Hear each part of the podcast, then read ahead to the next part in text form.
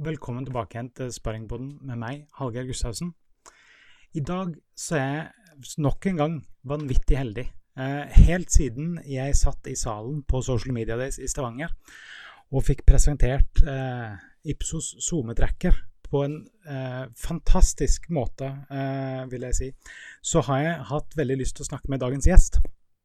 Hun har tung erfaring innenfor byråverden og jobber med en av de tingene som jeg syns er mest interessant, egentlig. Eh, tall og statistikk og sånt. Det, det, er helt sikkert mye mer til den jobben enn akkurat det. Så det gleder jeg meg til å finne mer ut av. Eh, velkommen. Her skal du være Nathalie eh, Warenborg, eh, kanskje. Jeg vet ikke. Jeg, jeg, prøver i hvert fall. Velkommen skal du være. Takk. Veldig hyggelig å være her. Du, eh, når jeg så deg første gangen, så snakka du en del om eh, tall og alt mulig sånt, men jeg regner jo med at eh, det er ikke egentlig primært det du holder på med. Du jobber i Ipsos som country manager. Mm, det betyr hva, ja, daglig leder av selskapet. Ja. ja. Mm. Hva, hva, gjør du da? Altså Gjerne mer enn én setning, altså. Men eh, Det er et veldig godt spørsmål hva jeg gjør. Jeg tror i alle jobbene jeg har hatt, har jeg alltid vært litt potet. Ja, men ingen grønnsak. Og det grønnsak. stemmer her òg. Så jeg kan også hente kaffe, som jeg kan uh, diskutere tall, uh, strategi uh, i forhold til selskapet. Hva skal vi satse på, hva skal vi slutte å satse på? og jeg er så heldig å ha mange nysgjerrige kollegaer som meg, så da kan vi diskutere også mulighet for ny type målinger. Ja. Jeg har vært også så heldig at jeg er veldig veldig, veldig opptatt av eh, media og sosiale medier. og dette her, Så jeg har vært med å påvirke videre utvikling av sosiale medier-tracker. Mm -hmm. Og hva man bør ha i og alt dette her. Så vi diskuterer faglige ting. Eh, jeg har eh, rapportering mot utlandet, en sjef i Nederland, så jeg prater regelmessig med ham. og vi er også i 90 land. Og det som er gøy med eksperter i det jeg jobber med nå, det er veldig mange typer sjangre. Ja. Og da kan man nesten ta kontakt med hvem som helst. Og de setter av tid, og du kan diskutere fag og kunder og ting. Så jobben min er veldig, veldig variert. Ja, det var det jeg skulle si. at Det høres så sykt variert ut. Ja. Eh, men eh, ja, jeg kan jo høre litt på jeg skulle til å si dialekten din, at uh, du kommer jo ikke fra Ring 2, for å si det sånn. Du, du kommer litt lenger. Ring 3 eller Ring 5, nei. nei. Uh, nei, jeg har litt sånn uh, Jeg har fransk, ikke det? Jeg har faktisk norsk mor. Ja. det er den Eide som jeg har i navnet ja. mitt. og jeg har en fransk far. og de traff hverandre når min mor skulle lære fransk sent i 60-tallet. Og da ble hun forelsket i ham og ble med i Sør-Frankrike. Og da har jeg vokst opp. Ja. Jeg har vokst opp i en, eh, en, blandet kultur med bunad til 17. mai i Sør-Frankrike. Og uh, lompe og pølse og bolle når jeg kom til Norge. Så det lærte jeg på norsk, men resten har jeg vært egentlig i Frankrike. Ja. Så jeg har definitivt eh, språkmessig preget at jeg snakket ikke norsk når jeg var barn. Eh, og vokste opp eh, litt lengre i Syden, som det heter for lengre, mange. litt lengre sør enn ja. uh, en Kristiansand, for å si det sånn. Ja, helt ja. riktig. Og av uh, rariteter som skjer i livet, uh, klarte jeg å bli forelsket i en nordmann. Og gjorde det motsatt av min mor. Ja, Vi er ganske kjekke vi òg, da. Det, ja, absolutt. Ja. så da har jeg en kjærlighetsimmigrant Eh, og da har jeg bodd i Norge nå snart 25 år. Herregud. Tida går, tida går fort når man har det gøy, for å si det sånn. Ja, det er helt riktig. Men hvordan var det da å komme til, eh, til Norge, Norge, og bare Her er jeg.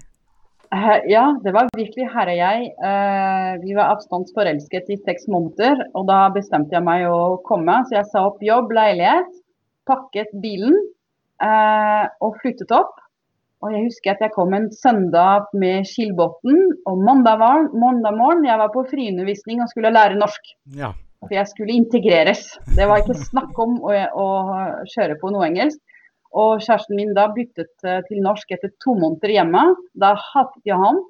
Uh, for vi klarte ikke å snakke med hverandre, for det var så vanskelig. Men etter hvert gjorde det seg til, så jeg kan takke ham nå. Eh, selv om vi ble ikke sammen uh, over den tiden. det hjalp meg å bli uredd og snakke med feil. ja, det tror jeg og bli raskere integrert. Og det var, nei, det var, det var kjempekjekt å komme til Norge, men jeg må innrømme at det var, det var annerledes å få seg jobb. Eh, så jeg har eh, Jeg opplevde hvordan det var å være utlendinger, på en mm. måte. Eh, dog med norsk pass. Men det hjalp ikke så mye, for man hadde da ikke skole i Norge, jobb i Norge, referanse i Norge. Så jeg hadde to år før gikk landbyrå i Frankrike, men det tok litt tid. Og siden har jeg ikke stoppet. Nei, men, men hva, hva, tror du er på en måte hva, Hvorfor tror du at uh, det tok så lang tid? Fordi i et annet land så tror jeg at uh, det hadde gjerne vært mye enklere enn i Norge, f.eks. Eh, men det, det, er ikke basert på noe empiri eller noe sånt noe, så, men jeg bare ja, jeg føler det. Det, det. Man skal ikke gå rundt og føle ting, det tenker man men ja, du skjønner sikkert jeg mener. Jeg jeg tror du har litt rett. Eh, for enkeltland jeg, ser, jeg jobber med mange. Jeg har jobbet nordisk i mange år og jobber med Danmark bl.a. Mm. Og der er det ingen tvil at det er mange flere med ikke-dansk bakgrunn på en måte i arbeidslivet. For uh, landet jobber mye mer mot utlandet. Ja. Uh, I Norge, jeg ser det i de jobbene jeg har hatt, ofte selv om vi jobber med Jeg har jobbet i internasjonalt konsern, vi jobber likevel hovedsakelig med norske kunder. Mm. Uh, og så Det har endret seg en del Haigar, heldigvis de siste årene, opplever jeg. Man har blitt mer vant til å ha folk som ikke har akkurat samme bakgrunn og akkurat samme utdannelse. Men det har fortsatt vært at det har vært lettere å ansette folk som har gått fra samme skole, enn fra andre skoler.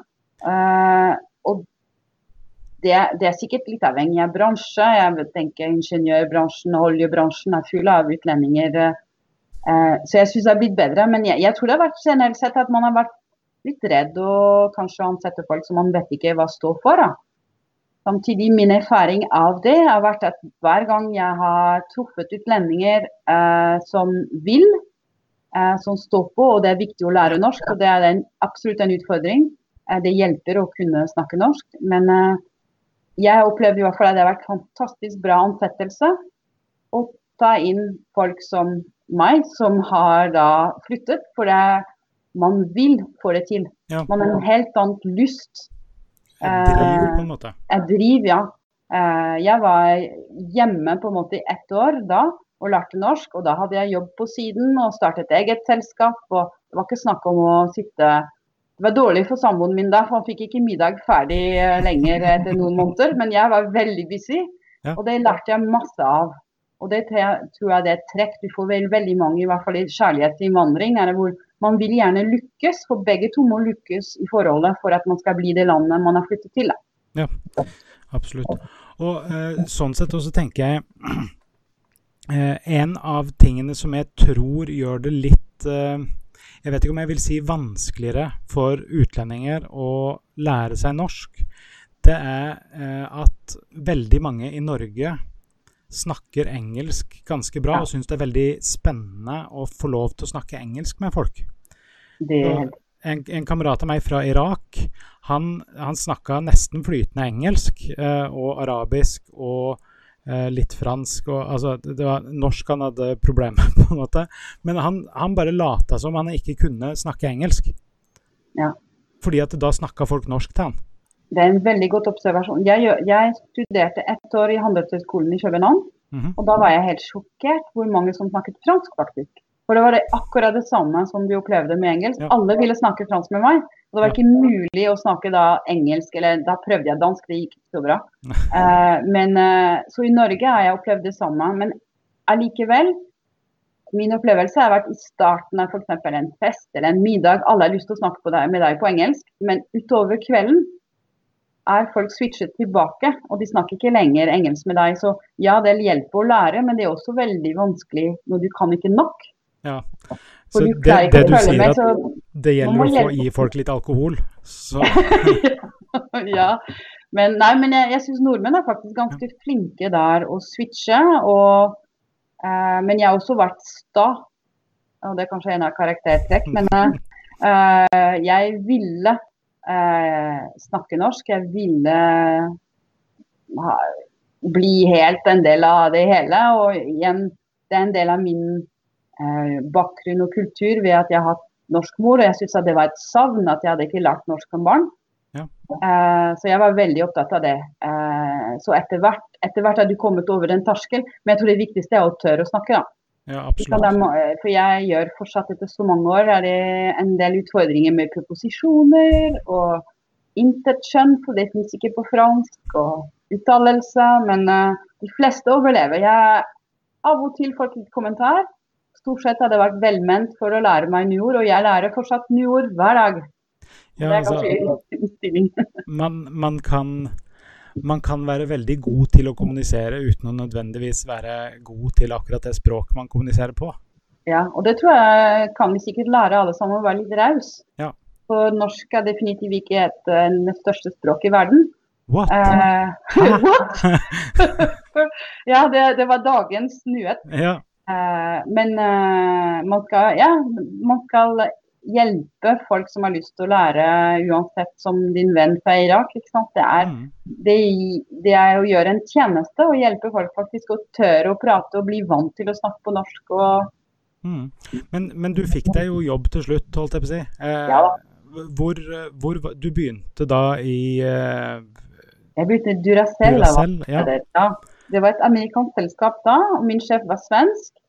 Og han var ikke redd da å ha en fransk En dame. utlending? Ja. Ja, ja, for det var litt flere. Ja. Og, så jeg begynte av alle ting, for jeg husker at jeg var i veldig mange intervjuer det første året, og ofte nummer to, og det er sorry, du har ikke bakgrunn fra den bransjen, sorry, du har ikke erfaring fra det og det. Jeg tenkte når jeg begynte i Duracell, jeg hadde definitivt ingen erfaring fra batteribransjen.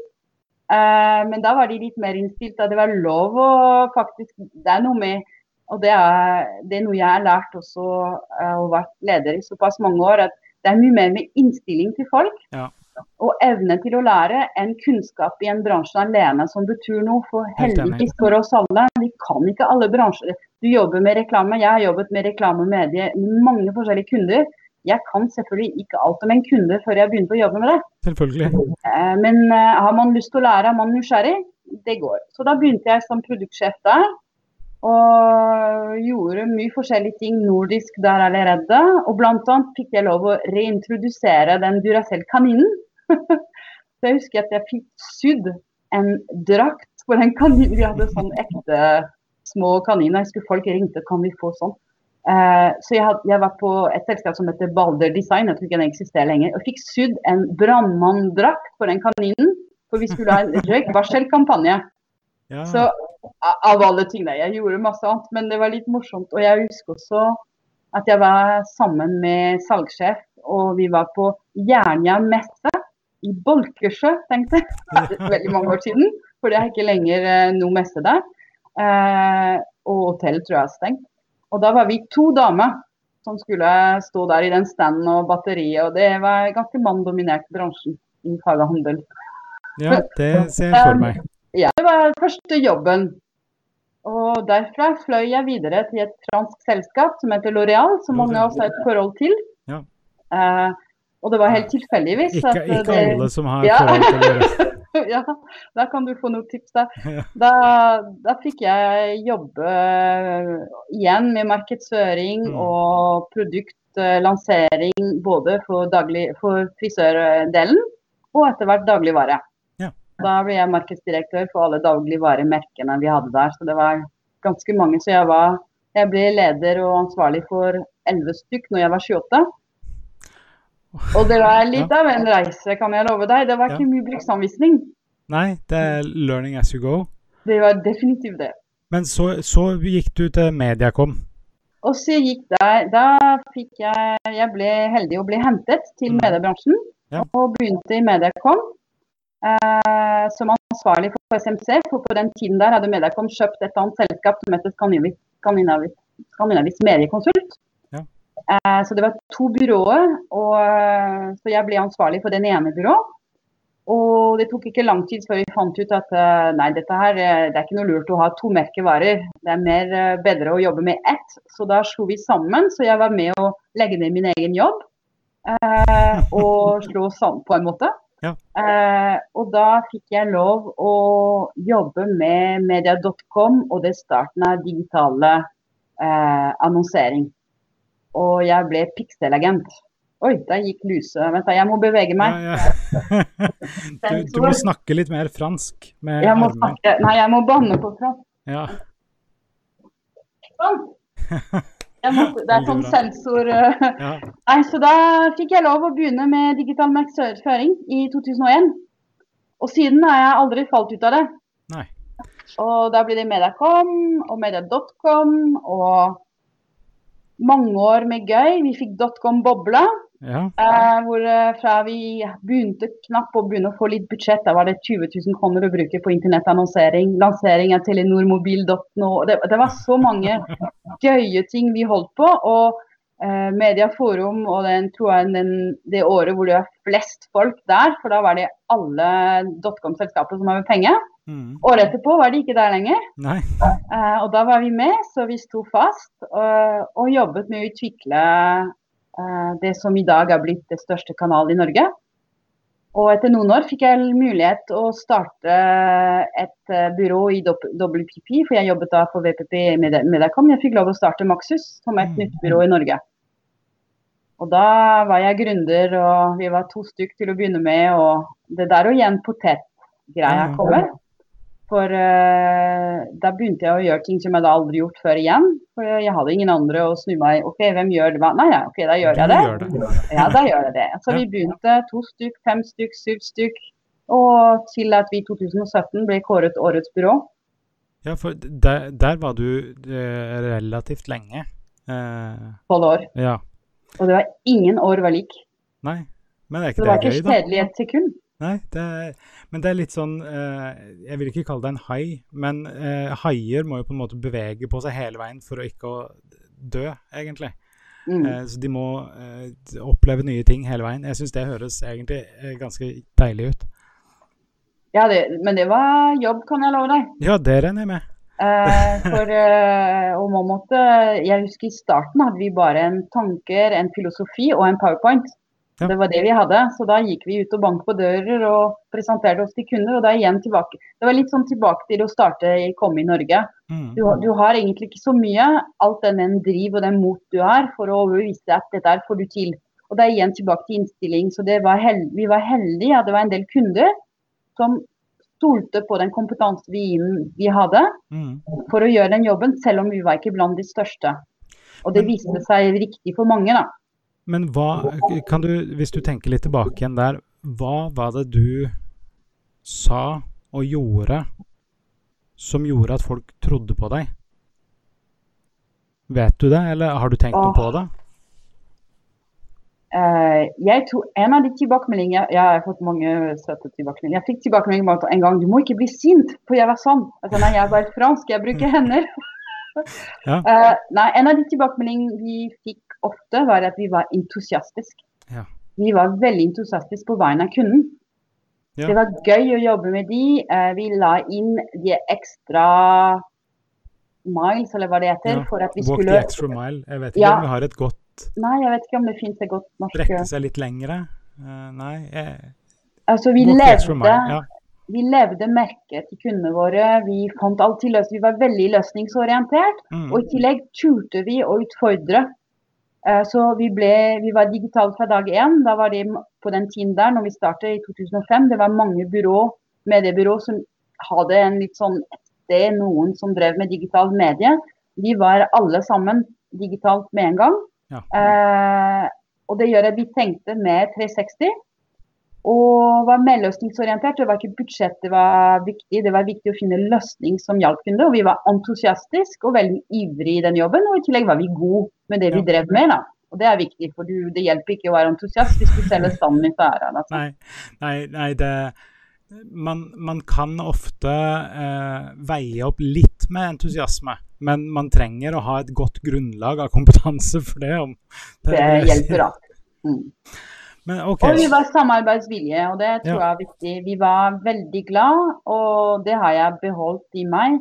Jeg er veldig glad å jobbe tett sammen med reklamebyrå, tett sammen med andre partnere, eventuelt med markedsanalyse. Det, var, det var ikke viktig hvem som hadde sjefhatten. Vi skulle dele kunnskap og bygge Mm. sammen. Og det tror jeg er en innstilling som har kommet naturligere i bransjen, men det har vært veldig mye konkurranse mellom miljøene Ja. på hvem som egentlig har det siste, eller mest makt over kunden, hvis du kan kalle det. Ja. Og i virkeligheten det er ofte at sammen får vi en bedre løsning enn å dra. Og i tillegg er jeg, er jeg rett frem. Jeg Ja. sier fra når jeg er uenig. Men det tror jeg også hjelper, det tror jeg hjelper veldig mye. Og eh, man skal heller Oi, Oi. du må ikke stå mikrofonen nå. Nei, uh, nei uh, jeg prøver, begynner å snakke litt fransk, jeg også. Ja, det er bra. Uh, Entusiasme, det er gøy. Ja. Nei, men OK. Hvis du, skulle, hvis du skulle starte et nytt byrå nå i dag, da. Hvilke type byrå hadde du starta? For altså, det finnes jo alt mulig forskjellig nå. Hva, hvis Nathalie skulle starte et nytt byrå, hva hadde det vært nå i dag? Det er et vanskelig spørsmål, faktisk. For det er så mye bransjeglidning. Mhm. Og jeg har ikke så bra erfaring med de som vil kunne gjøre alt. Nei.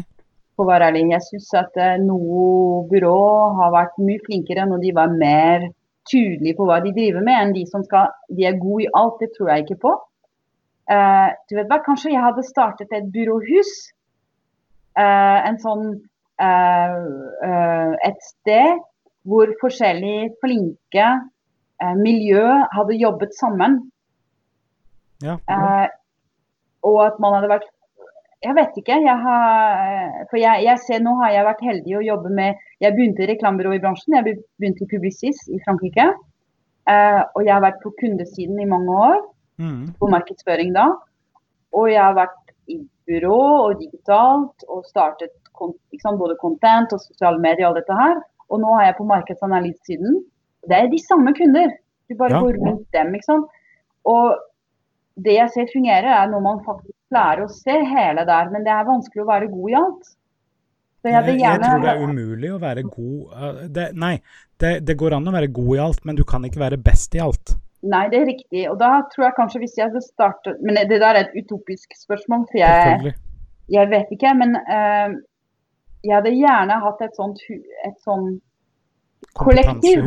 Ja. et sånt kolle- eh, byrå, et sånt uh, merkevare hjelpe deg, jeg vet ikke, kollektiv Ja. med, med flinke digitalfolk, folk, flinke kreative, flinke, og folk som og kanskje med det grunnleggende lyst til samarbeide fremfor å få æren selv.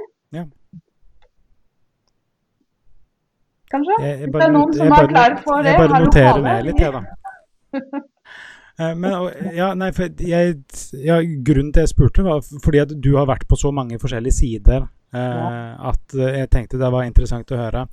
Eh, og, og nå er du da i Ipsos. Eh, sånn, hva, hva er visjonen eller målet til Ipsos eh, internasjonalt? Ja, eller nasjonalt internasjonalt. Eh, målet vårt er å kunne levere eh, relevant og, eh, og hva heter det, reliable, eh, Pålitelig? pålitelig informasjon Ja. til bedrifter for å kunne ta avgjørelse. Ja. Eh, og grunnlag til det vi gjør, er å hele tiden passe på at vi stiller, eller vi sjekker hva befolkning og målgruppe og alt mener. Mm. For det er veldig mye du kan lese fra historisk tall, fra du ser i sosiale medier, leser vi hvor mange er truffet, hvor mange er dit, hvor mange er datt. Men det er viktig å høre med folk. Hva de tenker, hva de frykter, hva de ønsker. Eller hjelpe dem både med eh, forskjellige typer metoder. For vi, vi gjør telefonintervju, online-intervju, kvalitativ undersøkelse. Vi har også sånn test med øy, øyene og kognitiv. og Det, det er haug av muligheter eh, på hva folk egentlig tenker og tror. Alt som har med mennesker, eh, samfunn og markeder. Så vår jobb er å sørge for at den informasjonen vi innhenter fra da mennesket Mm. av forskjellige metoder, om det var B2B, B2C, hva det er, eh, er pålitelig og relevant for at merkevarer eller organisasjonelle stater de gjør mye, mye for myndighetene og organisasjoner, at det er pålitelig, kan brukes da til å ta de riktige avgjørelsene. Ja.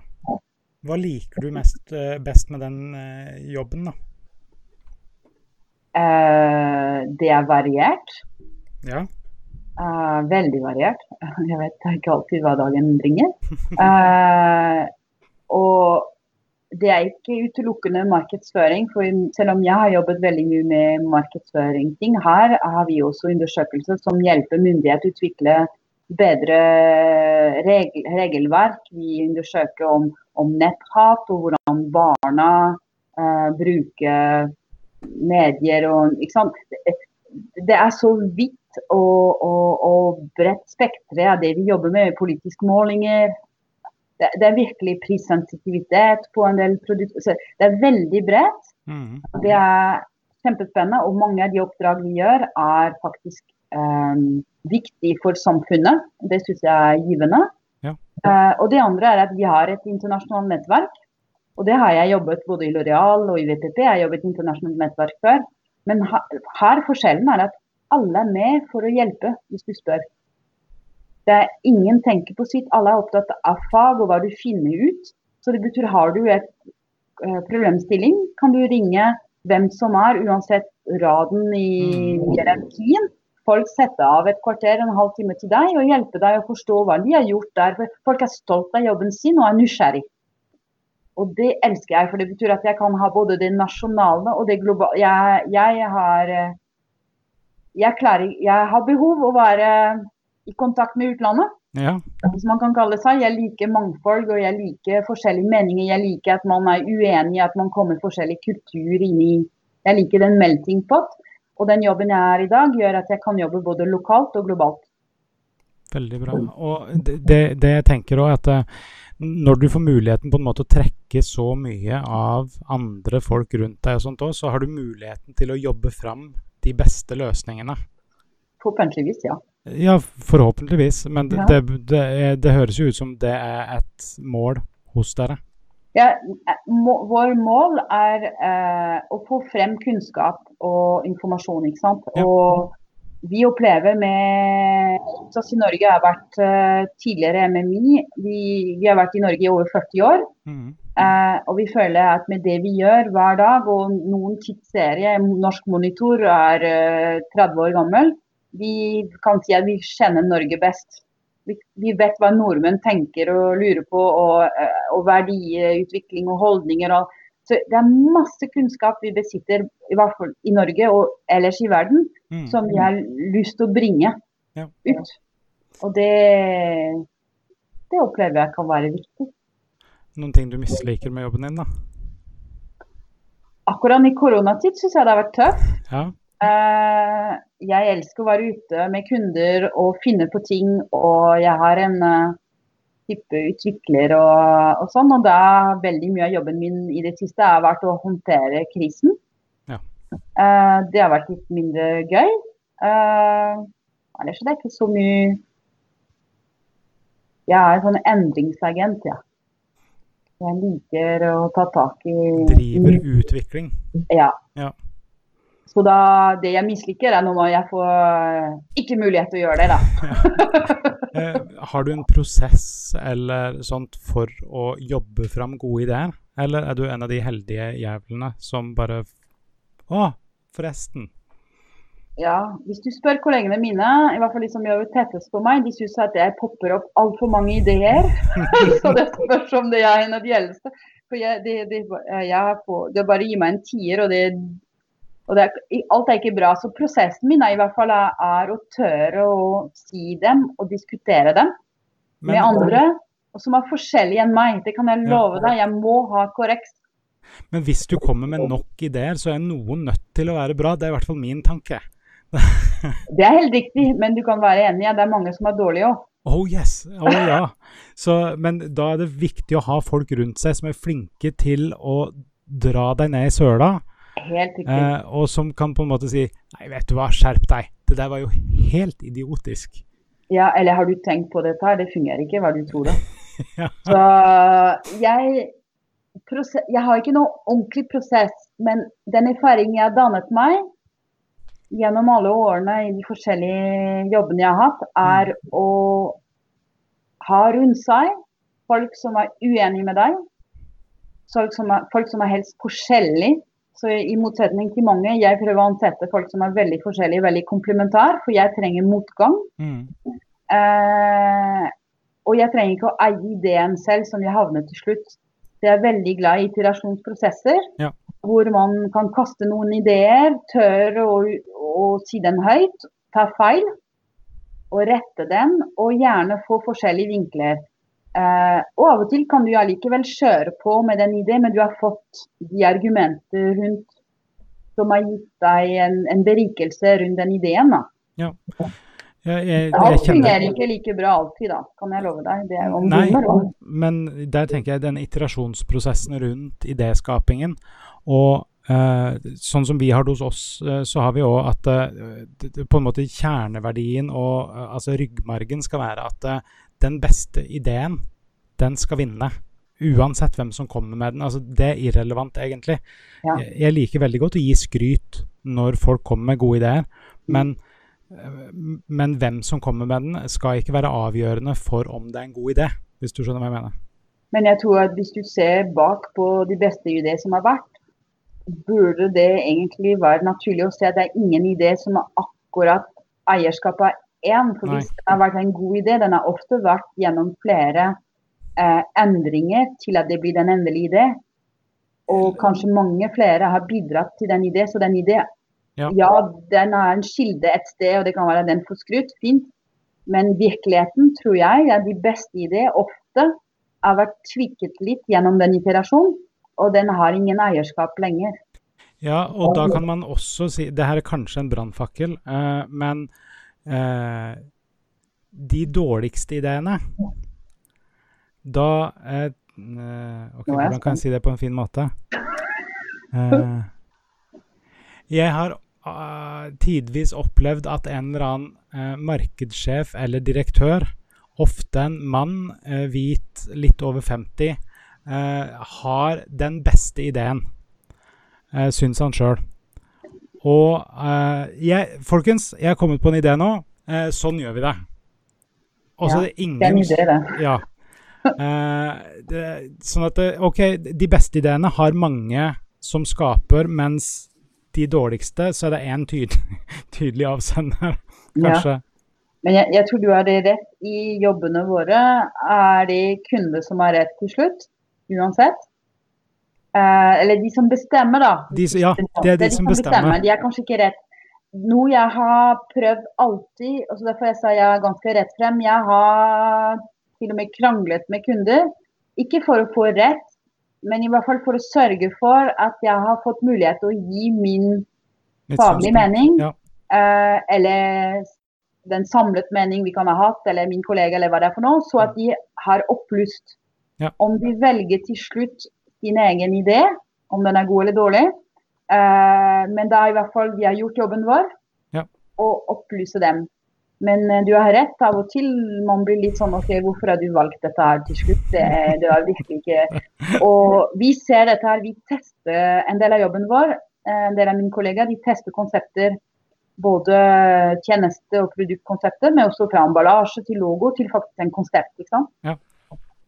Og den, det du beskrev nå, skjer av og til med disse konsepttester hvor man er dypt uenig. Ja. med resultater. Og da kjører man på allikevel med den ideen man mente var riktig før testen. Ja. Det går som oftest ikke så bra. Nei, det, det gjør, uh, gjør som oftest ikke det. Uh, og, det er deres valg, da. Ja, ja. Men det jeg pleier å si til, eh, til mine kunder når det kommer en sånn situasjon, er Jeg tar et eksempel fra når jeg pussa opp kjøkkenet. Mm. For jeg, jeg hadde pussa opp kjøkkenet, eller jeg hadde ikke pussa opp noen ting, men eh, eh, min svigerfar hadde. Og, eh, men jeg hadde funnet et sånn blandebatteri som jeg ville ha. Og så kom da rørleggeren som skulle montere, og så sier han Å ja, du har kjøpt eh, det blandebatteriet på Ikea? Ja, det kjøpte ikke. Ja, det kan jeg ikke Jeg som rørlegger kan ikke gå god for det. Jeg kan sette alt klart for deg, sånn at du monterer den selv, men da er det ditt ansvar. Eh, jeg kan gjøre alt klart, men jeg anbefaler dette som jeg har med her, sånn, det kan jeg gå god for, og her får du ni år garanti, og hvis det skjer noen ting, så er det jeg som kommer og fikser det. Mm. Men det er ditt valg. Jeg, selvfølgelig så valgte jeg det han sa. Men det er svigerfar, så du hadde litt ekstra Litt ekstra push. Ja, grunn til å ha goodwill der. Ja. Tenkte ja men, men da, satt jeg, da satt jo jeg som kunde også med at ja, jeg får lov til å bestemme, Mm. men jeg bør ta et opplyst valg basert på hans fagkompetanse. Ja. Men ok, eh, hva, hva vil du si er den viktigste tingen du har lært eh, siden du begynte å jobbe, da? åh. Eh, Jeg er nysgjerrig, Per, så jeg lærer ting hele tiden. Og ja, nå skal jeg bevege meg snart. Ja, ja. Men uh, du vet hva, jeg tror kanskje det viktigste er å være ydmyk. Ydmykt? Ydmyk? Ja, nå, jeg vet ikke. Ja, Ja. ydmyk. Uh, for jeg er eh, Jeg lærte et ord når jeg var på en test en gang om meg selv, som er det ordet heter egenrådig. Ja. Det ordet visste jeg ikke hva det betydde når jeg fikk den testtilbakemelding. Uh, jeg har lært etter hvert hva det betyr. Eh, Eh, jeg kan være ganske sterk i meninger, eller i hvert fall jeg har ofte meninger, da. Ja. Uh, men jeg skal være ydmyk over det, for jeg, jeg liker faktisk at igjen, jeg sa det tidligere, at folk er uenige. Og uansett hva du gjør, hva slags type jobb du har, kan du ta feil. Uh, og det er godt å lære å tørre å ta feil, for man må ta risiko. mm, Uh, og noen ganger går det bra, men det er også godt å lære at man Eller ikke lære, men jeg kjenner at man kan ha tatt feil og gjør endring. mm. Jeg tror det verste uansett er når du tar feil og gjør ingenting med det. Ja. Så det er den tanken Jeg vet ikke om ydmyk er riktig ord, men eh, å lære sine feil er kanskje Jo, ydmyk og Og- endringsvillig. Ja, for jeg, jeg, det er, sånn, Og tenk på disse koronatider vi har vært i nå. Mm. Det har vært sinnssykt press på veldig mange områder. Både businessmessig, med personalmessig, alt dette her. Og herregud, ingen av oss har visst hva vi skulle gjøre. Nope. Nå 12. mars har man skrudd av lyset. Det er ingen som visste som skulle skje 13. mars og 14. mars. Det har vært visst i 15 uker. Uh, men vi prøver å gjøre etter beste evne. Vi tester ting, vi tar risiko på ting, og vi justerer hele veien. Mm. Og det der er, tror jeg det jeg har lært. Det er ingenting som er sikkert. Du må lære av det du gjør, hele tiden. Hvis du Jeg skal bevege meg bare. Ja, gå, gå og beveg deg litt. Ja, ja. Det blir litt sånn spennende live-greie når jeg må hele Det tiden fikse. Men det går bra. Det går så fint. Eh, hvis, du da, eh, hvis du kunne da reise 25 år tilbake igjen i tid, og så hadde du 30 sekunder å si noe til deg selv, hva ville du sagt da? Det var supervanskelig, for det er akkurat når jeg har flyttet. Så jeg vet ikke om jeg skulle sagt til meg selv er du virkelig sikker du vil flytte til Norge. uh, men jeg har hatt det kjempefint. Uh, selv om jeg savner enkelte ting fra Frankrike, må jeg innrømme. Uh, det er et uttrykk, men jeg, jeg er elendig på norsk uttrykk, for jeg oversetter alle veier. Men det er noe med at man må skynde seg langsomt. Ja. Er ikke det noe sånn? At man, nei, jeg, jeg, nei, du vet hva, jeg vet ikke. Jeg, det, det går i 100 hos meg, eller 150. Og av og til kanskje det har vært smart å tenke mer.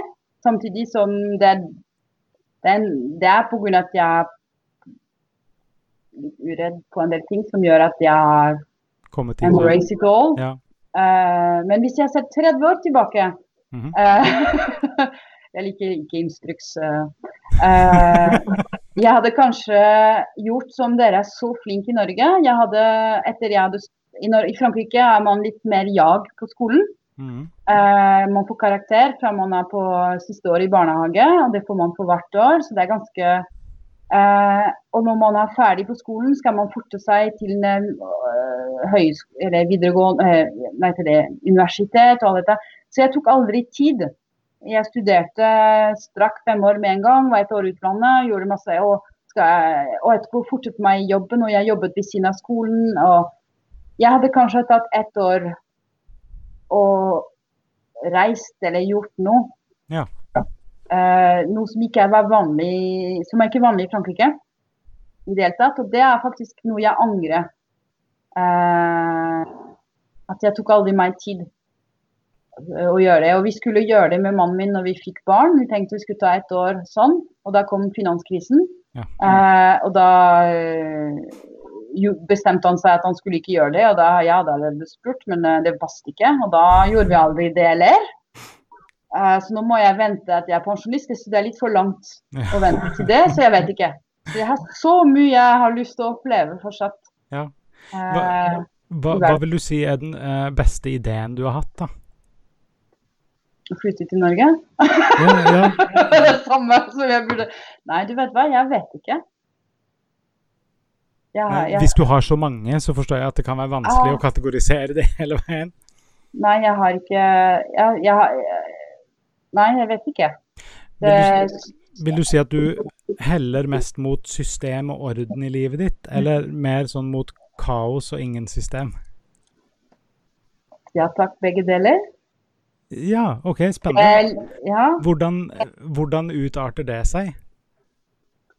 Eh, Jeg liker kaos og ingen system opp til et punkt hvor jeg må skape system for å kunne uh, gå til neste step. Okay. For hvis det er kaos for kaos sin skyld, det er ikke nødvendig. Og jeg liker Jeg er ganske god på disposisjon og struktur i forhold til Men jeg er ikke Du må aldri gi meg et sånn arkiveringsarbeid og finne hvordan du skal lage arkiv. For det har Min hode er tydeligvis ikke arkivert på samme måte som eh, en del andre som kan Nei. dette her. Eh, Men jeg liker struktur, men den skal ikke være for trang. Ja. For da liker jeg kaos. Så jeg kan skape kaos i struktur, da. Ja. Så jeg tar begge deler, dessverre. Jeg, det, det er ikke riktig svar for deg, men Det, alle, alle svar gir en innsikt i eh, hvem du er. Eh, vil du eh, Men eh, skal vi se Hvis du skulle reist på en øde øy eller sånt, da, hvilke, hvilke tre ting ville du hatt med deg der? mm, jeg tror jeg hadde kanskje hatt uh, en jeg skulle si en mobil, ikke for å ringe, men for å lytte til podkast, f.eks. Eh, hvilke podkast uh, liker du? Eh, jeg liker din, og jeg liker en del andre. Jeg hører på mye, veldig mye forskjellig. Jeg syns TED Talk er veldig bra, for det er variert. Noen ting er bare oh, wow, det er ikke interessant. Noen ting er oh, jeg visste ikke om dette er om hjernen. Ja, ja. Eh, så kanskje jeg er et eller annet device for å lytte til podkast. Ja. Uh, tannbørste, sannsynligvis. Det er smart. Uh, og det tredje ting ja. Jeg vet ikke om jeg hadde hatt noen med meg, for å være ærlig. Du, jeg liker, jo- jeg liker også der begge deler. ja, du trives både i eget selskap, men også uh, i interaksjon med uh, andre. Jeg elsker interaksjon med andre. Jeg elsker som jeg sa, å diskutere. Det er et fransk ord. Dette argumentasjon er Mm. typisk fransk. Uh, og, og samtidig jeg har veldig stor glede å få noen øyeblikk med meg selv og privat. Og stille og reflektere. For av og til går det så fort at man, tenk, man, man har behov å tenke for å både reflektere hva som skjer, men så få tenke neste sted. Eller eh, være kreativ, for en saks skyld. For det kommer alltid når man ikke forventer det. Ofte i dusjen, merker jeg. Eh, er du Android- eller iPhone-person? iPhone. Eh, tre favorittapper? Oh. Uh, jeg kan tenke meg jeg bruker en del, men uh, jeg flink jeg bruker Snap en del. Mhm. Jeg har en jente som har blitt 16 år. Uh, hun føler hva jeg gjør. Jeg har ikke lov å føle hva hun gjør. jeg syns hun lager ingenting der, men hun får 150 Snap i timen. Men det er ikke til meg. Snap. Jeg, bruk, jeg, jeg er så vanskelig å velge bort og velge ting. Jeg var veldig flink med Twitter før. Jeg er ikke så Mhm. flink lenger, faktisk. Uh,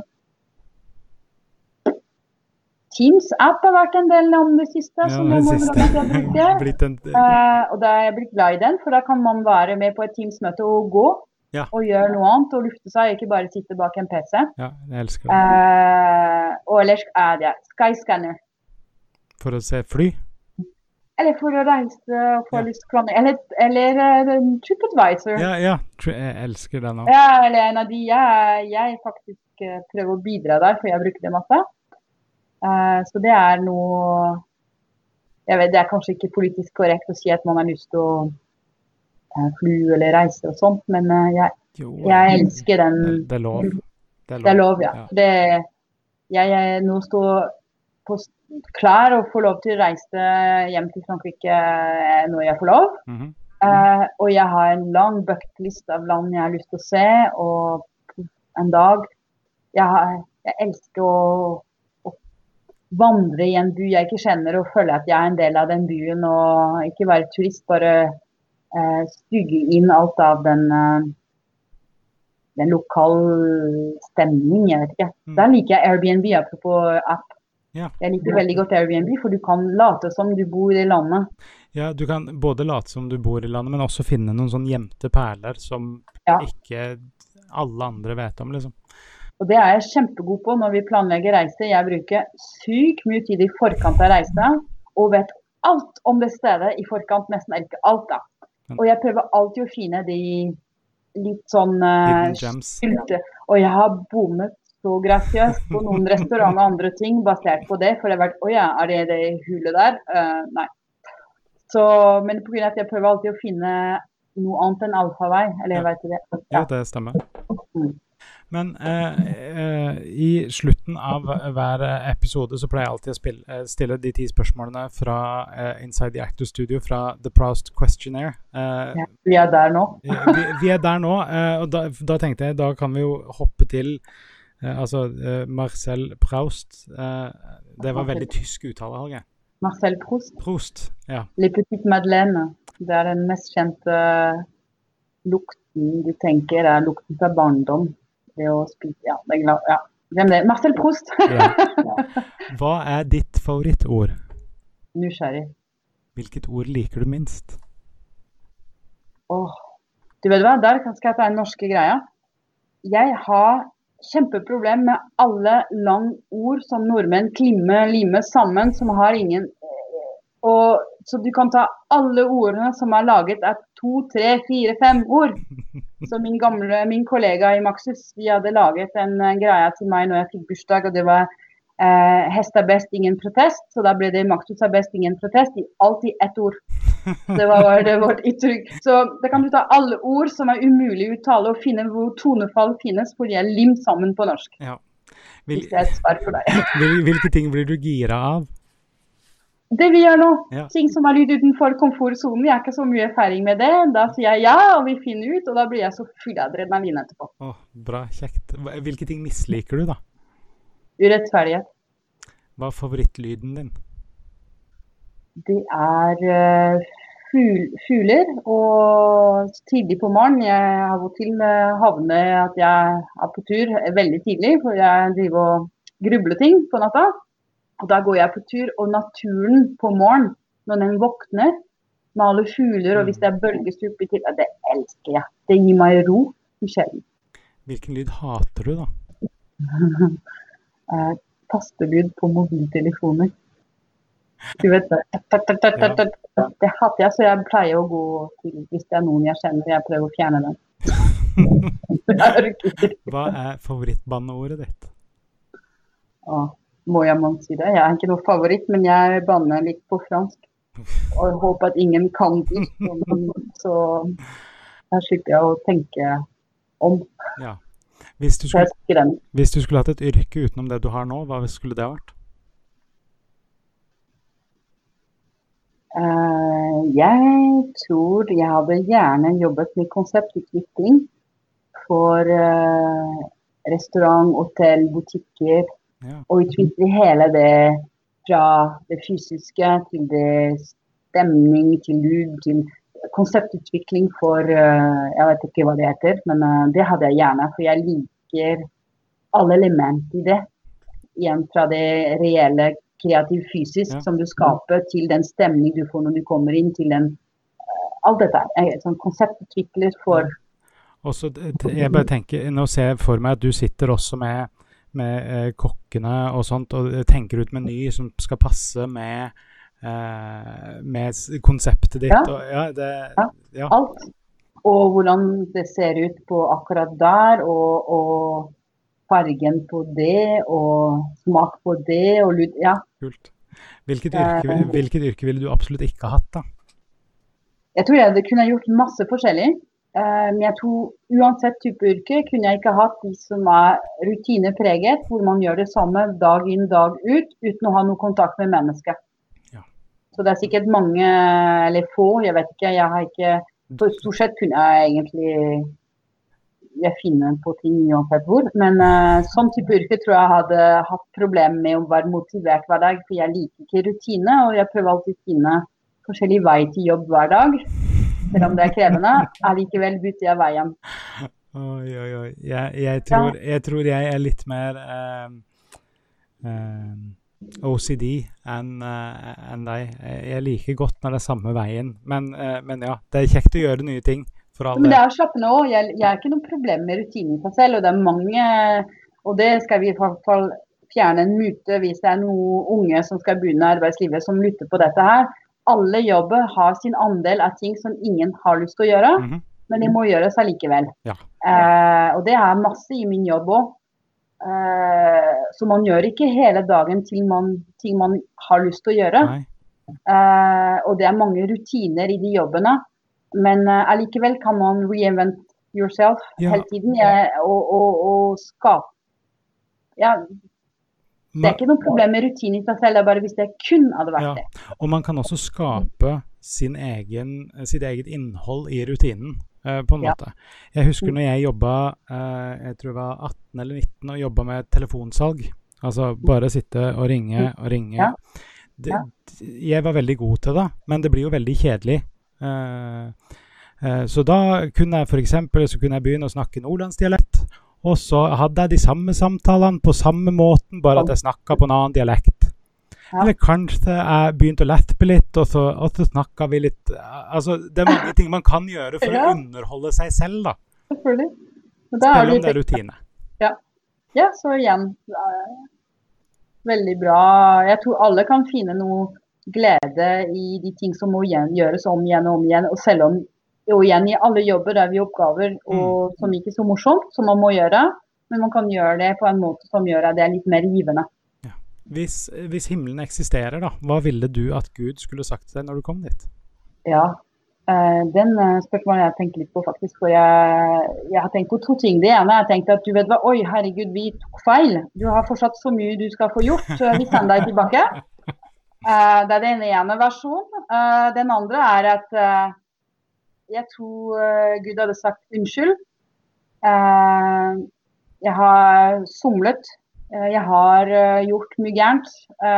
La meg rette det. For hvis den fantes, det burde ikke skjedd så mye det som skjer Mhm. i verden. Helt enig.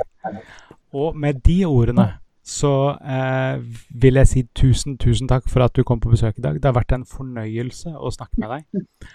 Eh, til dere som har sett på, eh, anbefaler å sjekke ut eh, SoMe-trackeren, som ikke kom inn på i det hele tatt.